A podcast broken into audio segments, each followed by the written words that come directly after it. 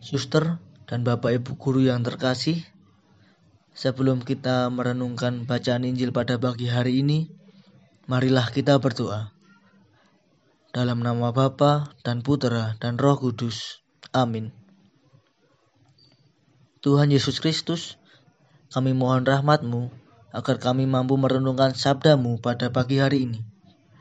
Utuslah roh kudus-Mu, sehingga mampu menerangi akal budi dan pikiran kami, agar kami mampu meresapkan sabda-Mu dalam kehidupan kami. Amin. Inilah Injil Yesus Kristus menurut Matius. Inilah silsilah Yesus Kristus, anak Daud, anak Abraham. Abraham memperanakan Ishak, Ishak memperanakan Yakub, Yakub memperanakan Yehuda dan saudara-saudaranya.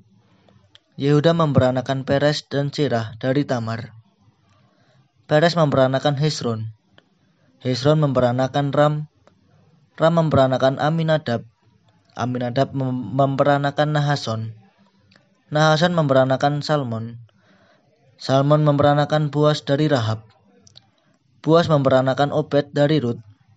Obed memperanakan Isai. Isai memperanakan Raja Daud. Daud memperanakan Salomo dari istri Uria. Salomo memperanakan Rehabeam.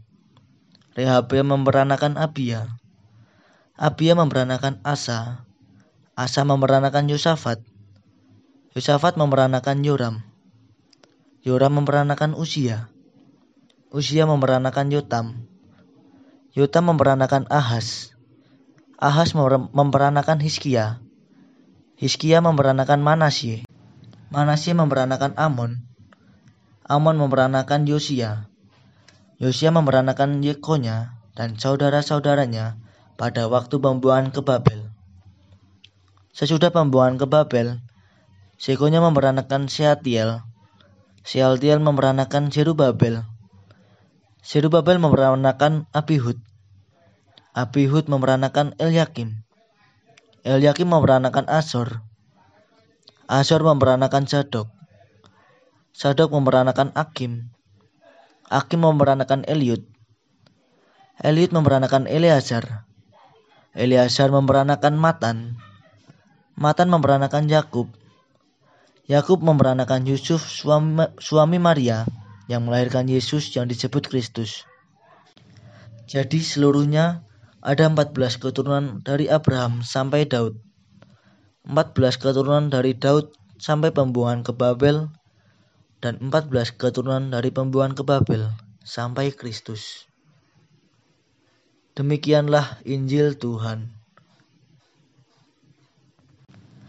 Suster dan Bapak Ibu guru yang terkasih, berkaitan erat dengan bacaan Injil hari ini, ditunjukkan tentang silsilah Yesus Kristus yang mau mengingatkan kita tentang garis keturunan Abraham sampai pada Yesus Kristus. Injil Matius hendak mengatakan dan menunjukkan kepada pembacanya bahwa Yesus Kristus yang dilahirkan oleh perawan Maria adalah pribadi yang hadir dari keturunan orang-orang yang dituntun oleh Allah. Allah telah merencanakannya. Allah telah menunjukkan kuasanya kepada orang-orang pilihan pada zaman perjanjian lama. Sampai pada para nabi menubuatkan kehadiran Sang Mesias. Rencana Allah kemudian dinyatakan melalui perawan Maria. Menarik bahwa dalam silsilah Yesus juga terdapat orang-orang berdosa. Dari silsilah Yesus Kristus ini, kita diajak untuk menyadari kembali apa yang telah Tuhan anugerahkan untuk kita.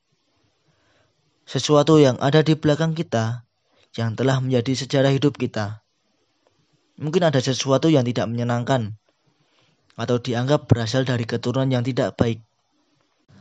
Maka, silsilah Yesus Kristus menjadi catatan sejarah untuk keselamatan kita. Menyadarkan kita juga bahwa masing-masing memiliki masa lalu yang berbeda. Kita dapat mengambil teladan yang baik dari pengalaman orang-orang dalam silsilah Yesus. Marilah di masa Advent ini kita berubah, kita berbenah, kita perbarui hidup kita menjadi yang lebih baik. Amin. Marilah berdoa. Tuhan Yesus, karena kasih-Mu, Engkau rela menjadi manusia. Siapkanlah hati kami agar dapat merayakan Natal dengan sukacita. Berkatilah pula seluruh usaha pertobatan kami, agar kami mampu menjadi saksi-saksimu di dunia ini. Amin. Dalam nama Bapa dan Putera dan Roh Kudus. Amin.